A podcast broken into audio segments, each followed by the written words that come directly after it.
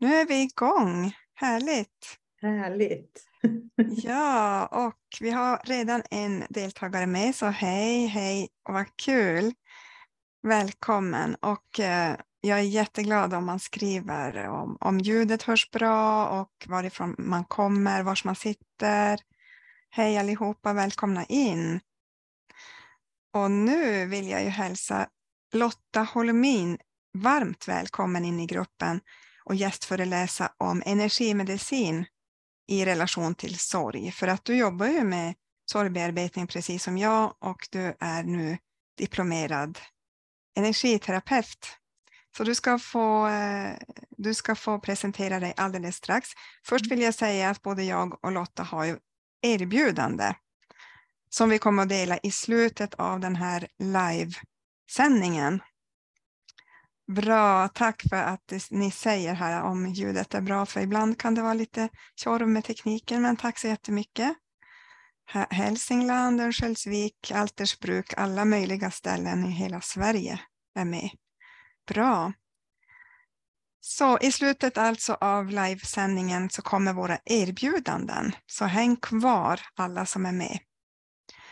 Så välkommen Lotta Holmin, du är eh, både handledare i sorgbearbetning, samtalsterapeut och energimedicinare. Så mm. snälla, berätta mm. mer om dig själv. Ja.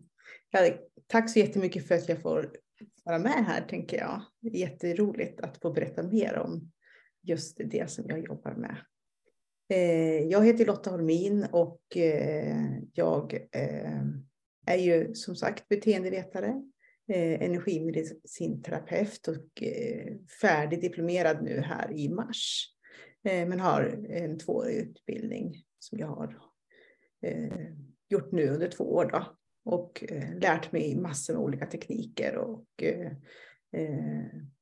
och innan dess så, så, har jag utbildat mig som till handledare i sorgebearbetning. Mm. Ja, och jag tänker att eh, anledningen till att jag har utbildat mig just med, med just de här utbildningarna, det är ju att jag vill hjälpa fler eh, att få hjälp i livet, som jag själv har blivit så mycket hjälpt av just det här. Ja, och du ska få berätta mer. Alltså, vilka förluster var det som eh, gjorde så att du började söka efter hjälp? Vad, vad hände dig i livet? Mm.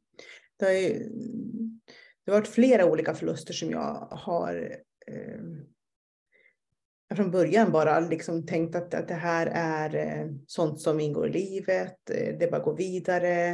Eh, min första dotter föddes alldeles för tidigt och eh, eh, upptäcktes när hon var ett år att hon hade en CP-skada.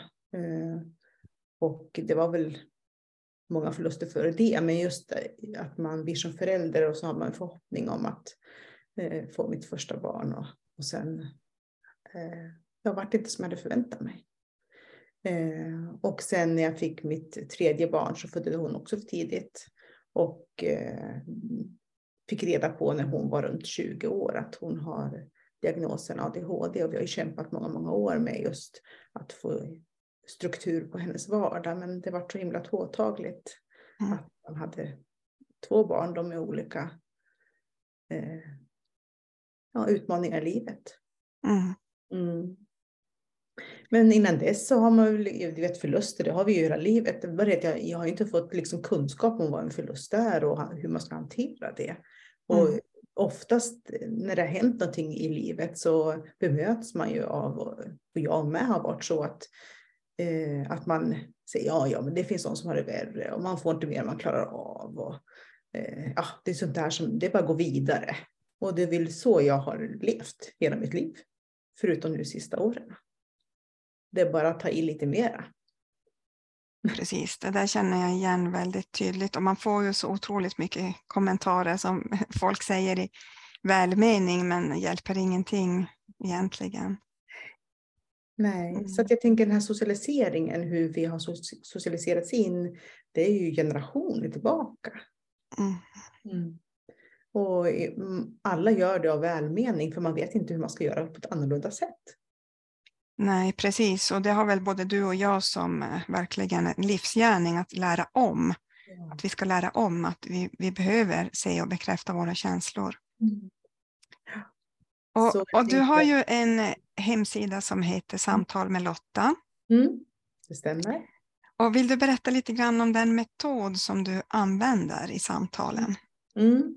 Alltså jag har ju uh, gått och utbildat mig till handledare och då är det så att när jag har kurs i, i sorgebearbetning så träffas vi åtta tillfällen.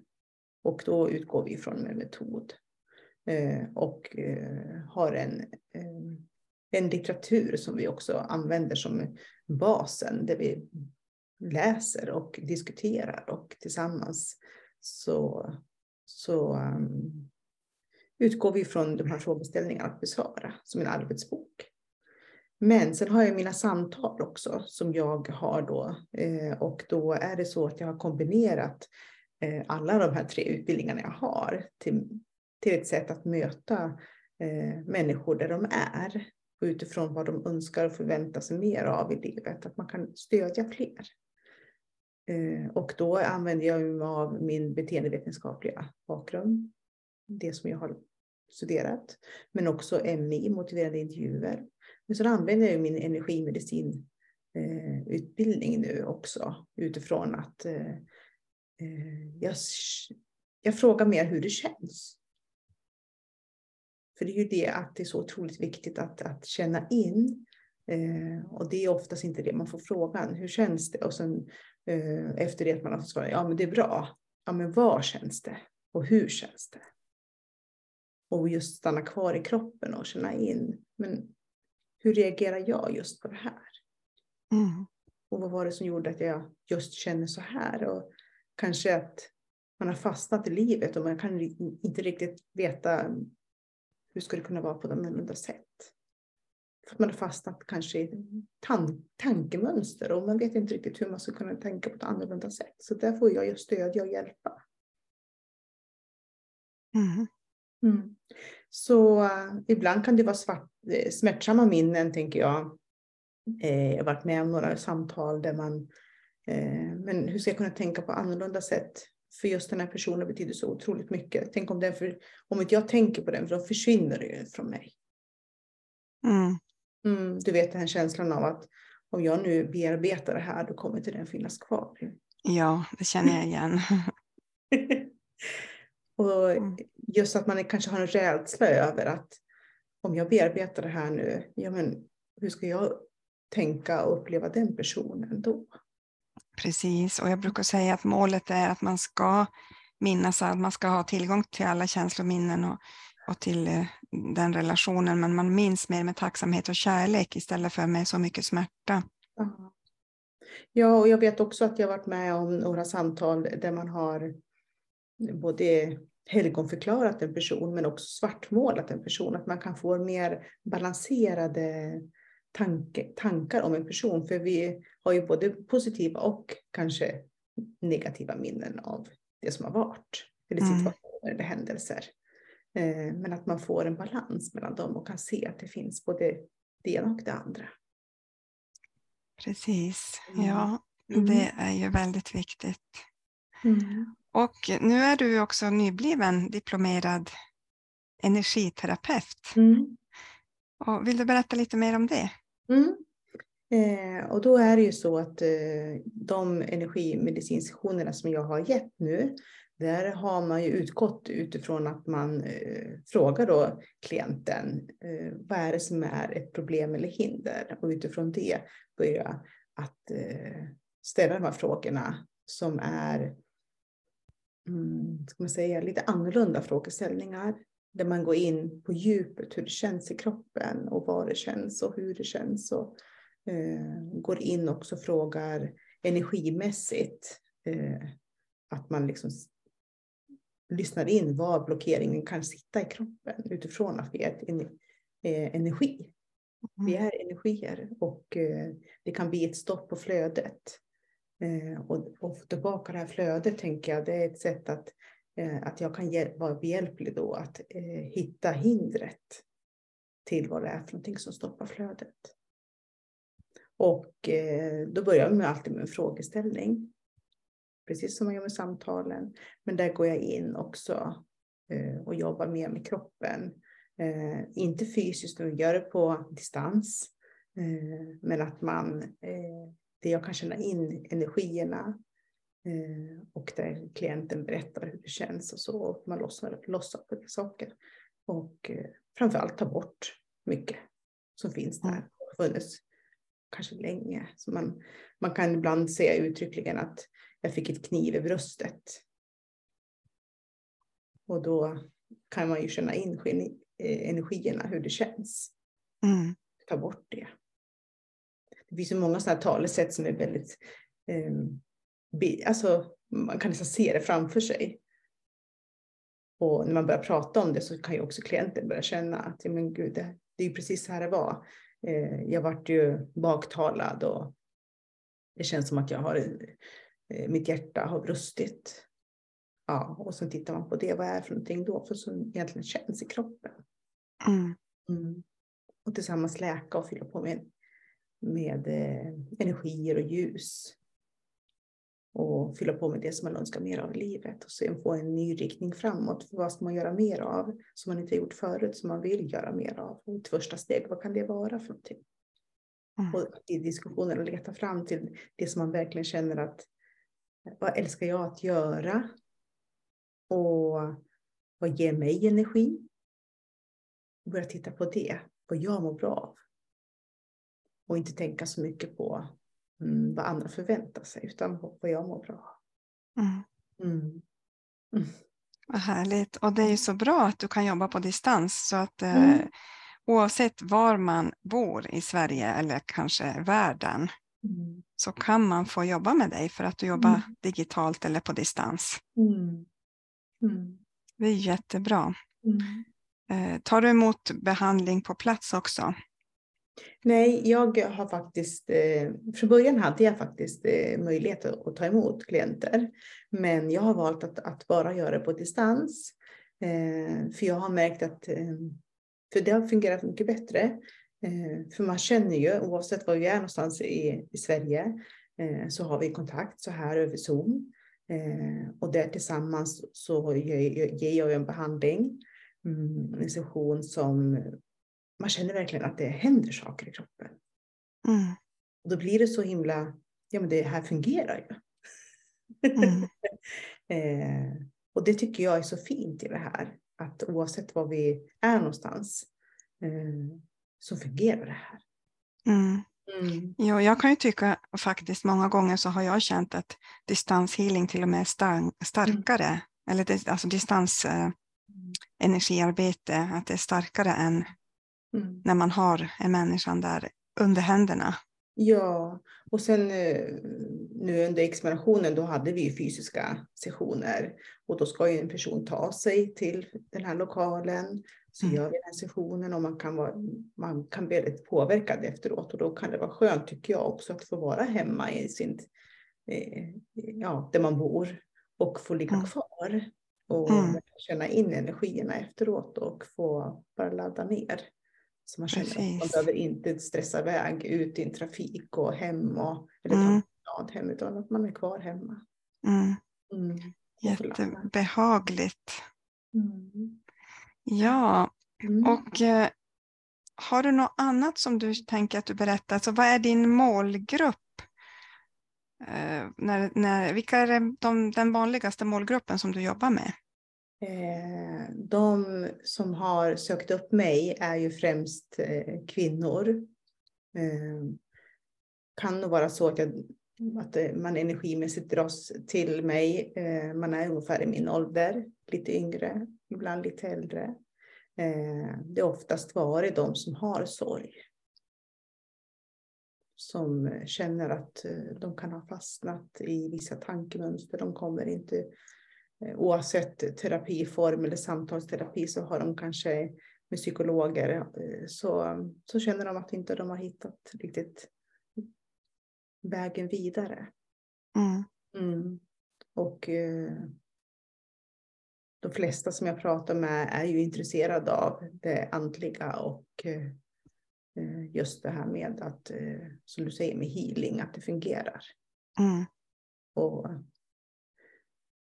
intresserad av, nyfiken och testa på energimedicin.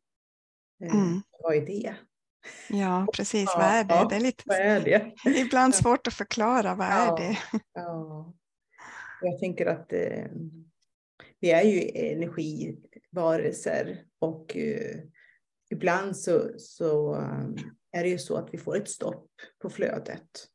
Eh, och det kan ju vara också att eh, du vet när man hamnar i en situation och, och en förlustsituation så blir det ett annat sätt att leva helt plötsligt och då så vänjer man sig vid att leva så.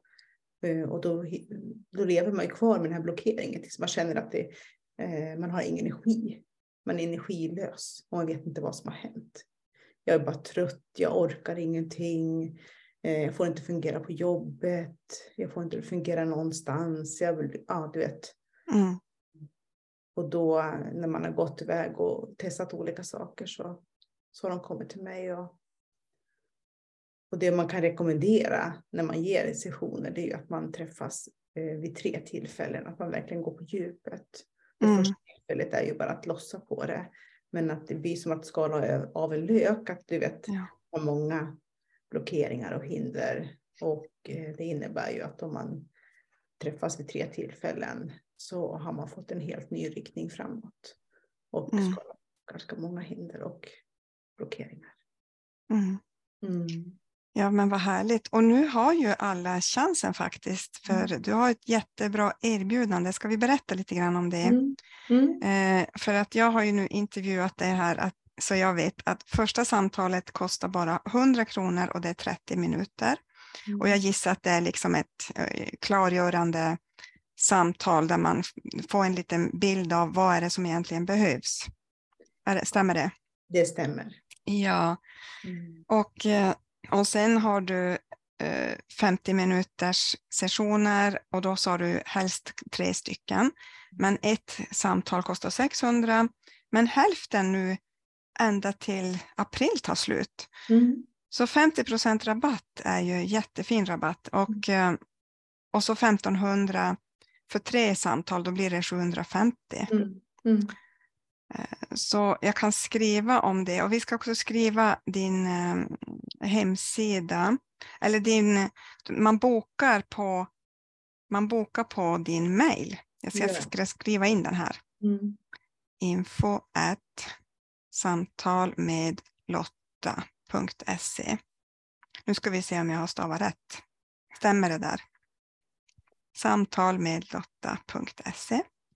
Så är det någon som vill prata med dig, då är det bara att klicka på den, skicka mejl och säga jag är intresserad av ett första samtal. Mm.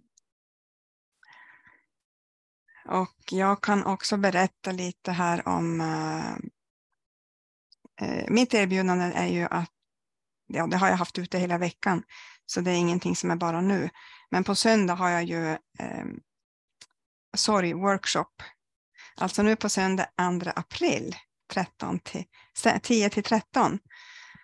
Och då lägger jag anmälningslänken där. Så nu får ni fundera här om ni vill få hjälp.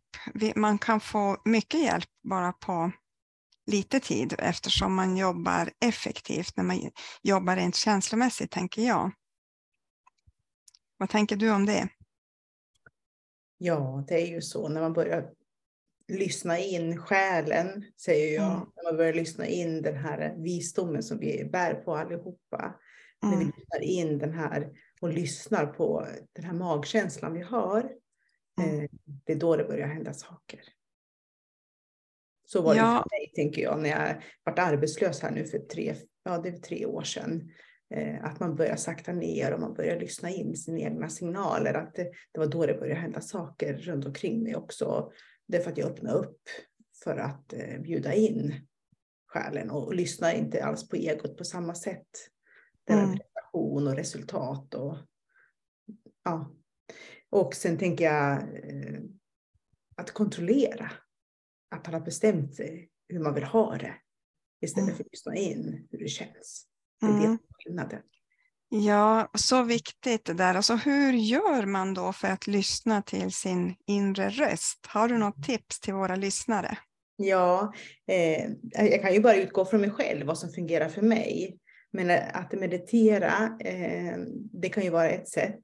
Men jag säger att meditera kan också vara att gå i skogen, att vara vid vattnet, att bara vara, att vara här och nu. Mm. Och sen att man, eh, nej, ibland kan man känna att wow, det här, det här var så roligt och nu känner jag liksom att tiden bara försvann. Då gör man ju någonting som verkligen man känner är roligt. Mm. Mm. När man mera går, utgår från att man ska göra vissa saker och det finns en starttid och det finns ett sluttid och det tar liksom, du vet. Eh, ja, det, det kan vara kännas som ett motstånd egentligen, men man gör det ändå. Ja, Då är det skillnad. Mm. precis. Ja, ja, men det är så klokt det du säger. Mm. Jag skriver här nu att man kan skriva eh, till dig om man Mm. har en särskild fråga, om man kan eh, bara höra av sig till dig om det är så att man har en fundering så här, ja, men, äh, kanske hon kan hjälpa mig med det här. Absolut. Ja, om du skulle jämföra, alltså du, för du har ju jobbat om man säger i den vanliga vården eller verkligheten, det som är den va- vanliga i samhället, alltså den hjälpen. Om du skulle jämföra med det du jobbar med nu i ditt. Företag, vad skulle du säga är stora skillnaden? Eh, stora skillnaden med, med det jag gör just nu överhuvudtaget, det är att jag eh, tycker om att ha roligt. Mm. och det innebär ju att vissa saker måste man göra ändå, men att jag försöker göra det så att jag eh, lekfullt. Att jag liksom försöker vara mer kreativ och skapande. Eh, Förut var det mer en prestation och eh, ett mål med det jag gjorde. Så jag jobbar ju som eh, inom, vården som chef och då var det ett resultat man skulle uppnå. Eh, och då var det mycket att jag skulle jobba med ett mål och det var, vet, man tänkte med egot, man tänkte liksom eh, hur ska vi nå det här på bästa sätt och det var oavsett om det var roligt eller inte så gjorde jag det. Mm. Nu tänker jag mer så här, men hur ska jag kunna uppnå det här eh, och ändå ha roligt? Mm. Och kreativt skapa. Och inte tänka de här fyrkanterna utan tänka lite utanför boxen. För vad är det som säger Precis. att man måste göra på ett speciellt sätt? Mm. Mm. Jag tror att det är jättemånga som vill bli bättre på att eh, höra sin inre röst. Mm. Och verkligen, jag tror att många också vill våga följa den, men det kan vara lite skrämmande när man inte är van. Ja, något det tips? är precis så som du säger att när man är van att dämpa den här rösten så blir den ju bara tystare och tystare. Det blir Mm. svårare att höra den. Så den behöver få den uppmärksamheten, har liksom, ja, eh, att man känner in den.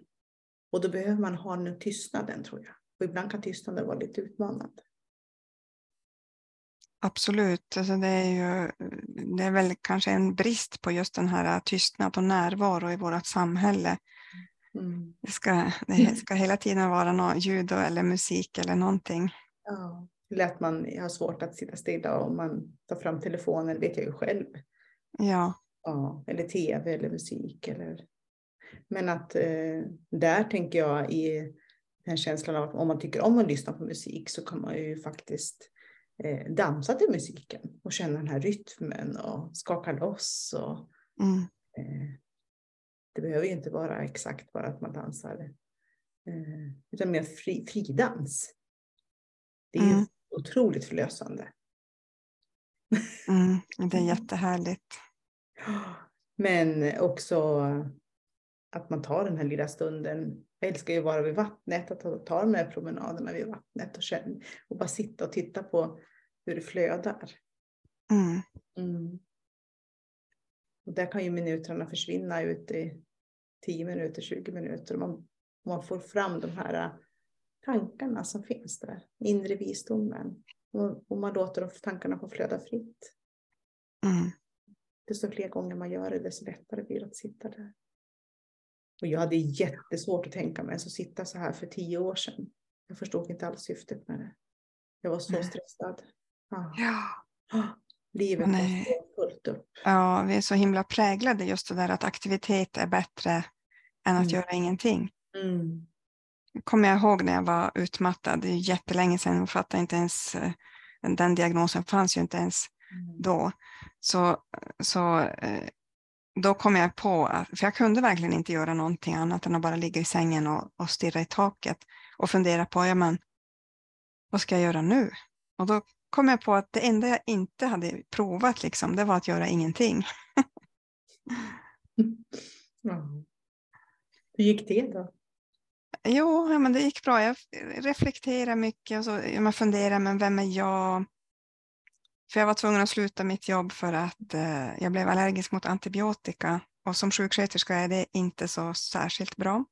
Då måste man hitta ett jobb som sjuksköterska där man inte handskas med antibiotika. Och så Mm. tänkte jag mycket på, ja, man bara låg där och reflekterade, så att, ja, men vem är jag utan mitt sjuksköterskeyrke? Eh, men vad vill jag göra? Vad måste jag göra? Och jag verkligen eh, kände in det där eh, ordet måste. Jag hade, det där ordet måste hade ridit mig så hårt så att jag blev utbränd. Mm. Så då bestämde jag mig för att nej, det enda jag måste göra det är liksom att ge mat till mitt barn och ja, se till att han har rena kläder och skjutsa Mm. honom till dagis och skola och sådär. Mm. Sen måste jag inte göra något. Det var så provocerande för många när jag sa att nej, jag måste inte städa. Mm. Jag, vill, jag gör det när jag vill. Till slut vill man städa, men jag gör det bara när jag vill. Så eh, jag brukar säga att eh, det är tre ord som jag, ja kanske fler, det finns fyra ord som jag säger att man ska vara försiktig med i sorgsammanhang. Mm. Och det är ju eh, måste och borde och varför. De orden. Eh, Och så men. För Mm. allt vad man säger före men, det, det, är, det kan låta som att nej, det gills inte. Mm. Nej, det är viktigt det du säger. Ja, för orden har ju sån kraft och jag tänker när du jobbar med samtal så orden när vi pratar så har ju våra samtal har ju en särskild energi. Orden har sin egen kraft. Brukar du jobba med det, alltså just med den, de energierna? Ja, absolut. Och Mm. mycket av de här samtalen eh, det utgår ju från alltså, hu- hur man har levt förut och hur det känns att leva så. Och hur man skulle vilja leva. Mm. Mm. Och att vara 100% ärlig mot sig själv. Ja, vara sann mot sig själv. Det är inte alltid så lätt. För vi har ju ofta så väldigt mycket prägling eller den här socialiseringen som du säger. Och ja, den är ju himla svår att genomskåda ibland. Vi har fått en så fin reflektion här. Naturens energi och kraft är stark. Och det är den verkligen. Och det, och det märkte jag särskilt i somras när jag hade sorgretreat i fjällen.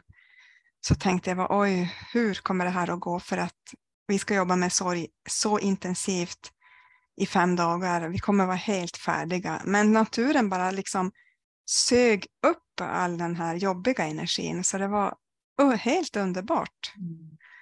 Så naturen hjälper oss i, Mm. i våra egna processer. Mm. Och det är helt naturligt att vara ute i naturen. Det har vi ju alltid varit. Mm. Mm.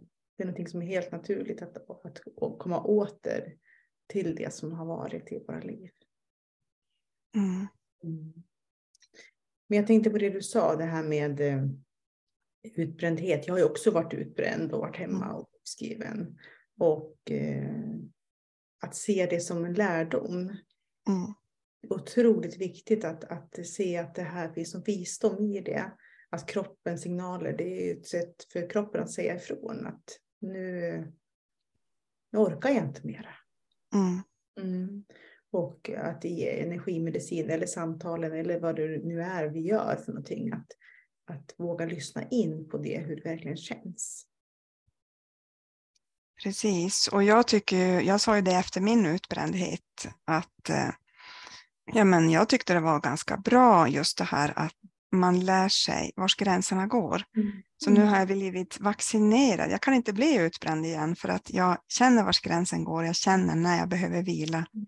och jag ransonerar mina aktiviteter och fyller på med energi och vila och återhämtning. Mm.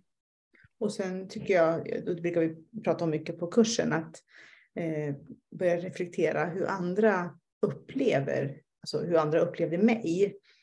Och att jag frågar mig själv, men är det så jag är?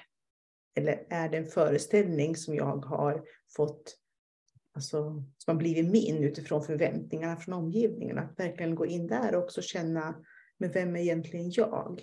Om jag ska vara ärlig mot mig själv. Eh, och i de eh, samtalen, det brukar vara faktiskt ganska omvälvande, eh, där man känner själv att, men gud, de här förväntningarna har jag kanske inte haft på mig själv, utan det är andra. För jag tycker inte att jag är så här. Mm.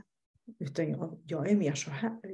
Man kan vara, som till exempel, jag har hört mycket att jag är lugn och trygg och själv känner jag att jag är lite sprallig och det. Men då har jag blivit lugn och trygg. Det är för att det jag alltid hört, men Lotta du är så lugn. Mm. Och Lotta, det, du är så trygg.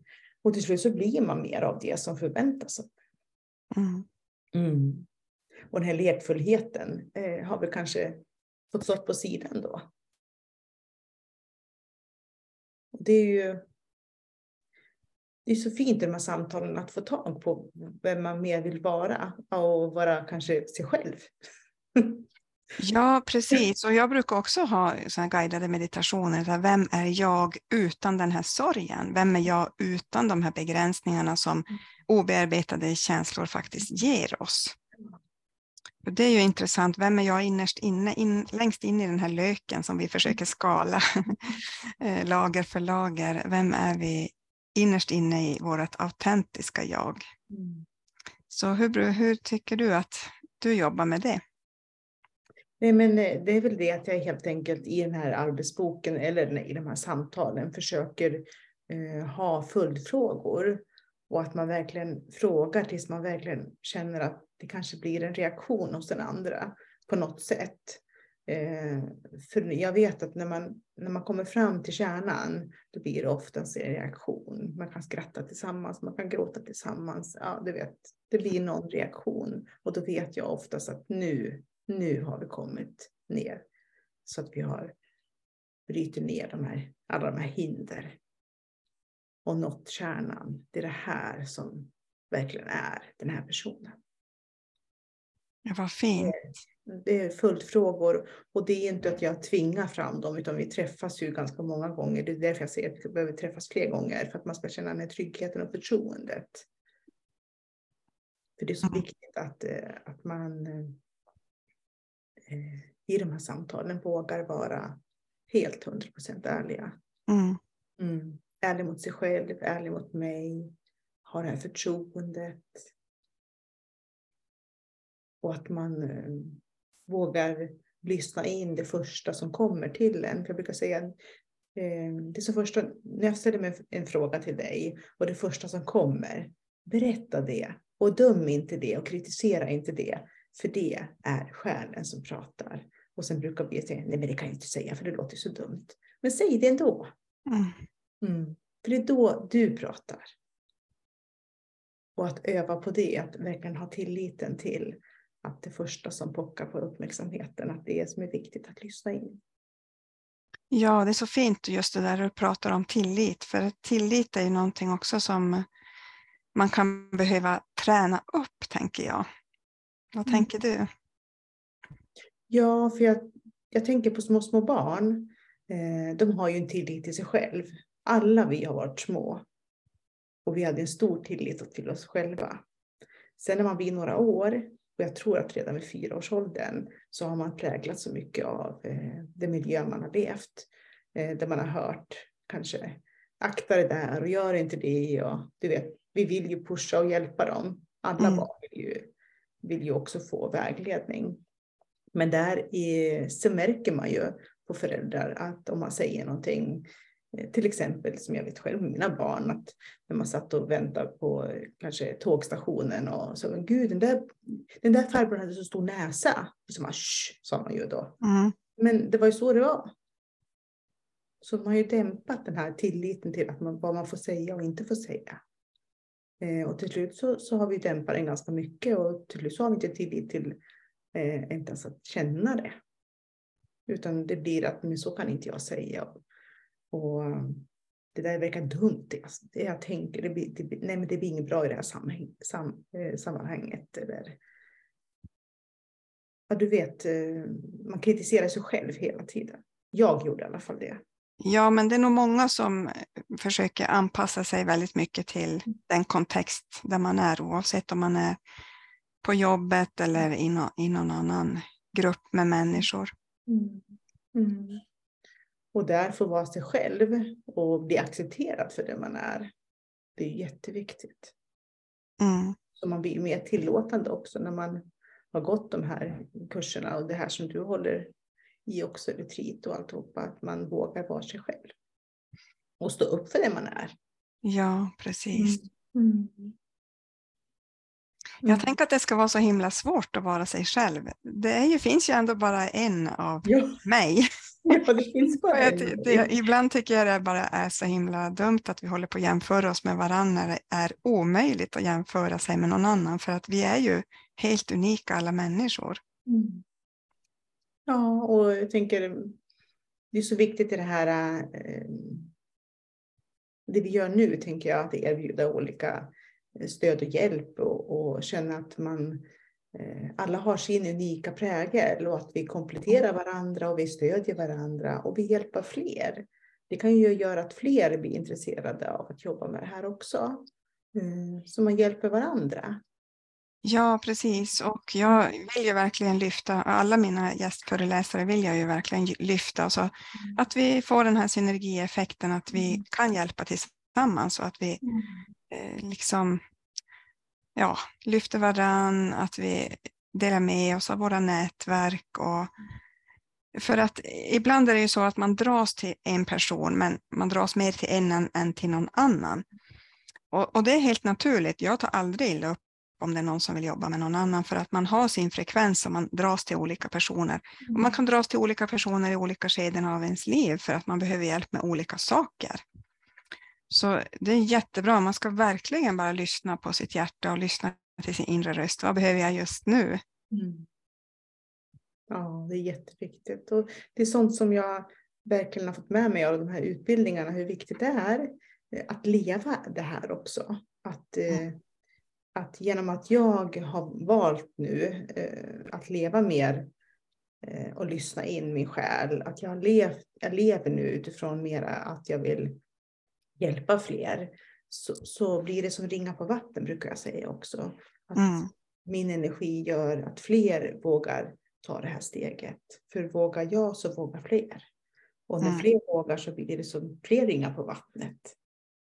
Och det är så fint det här. Att man, jättefint. mm, Nu har vi fått en fråga. Vad heter utbildningen som du pratar om? eh, då tänker jag,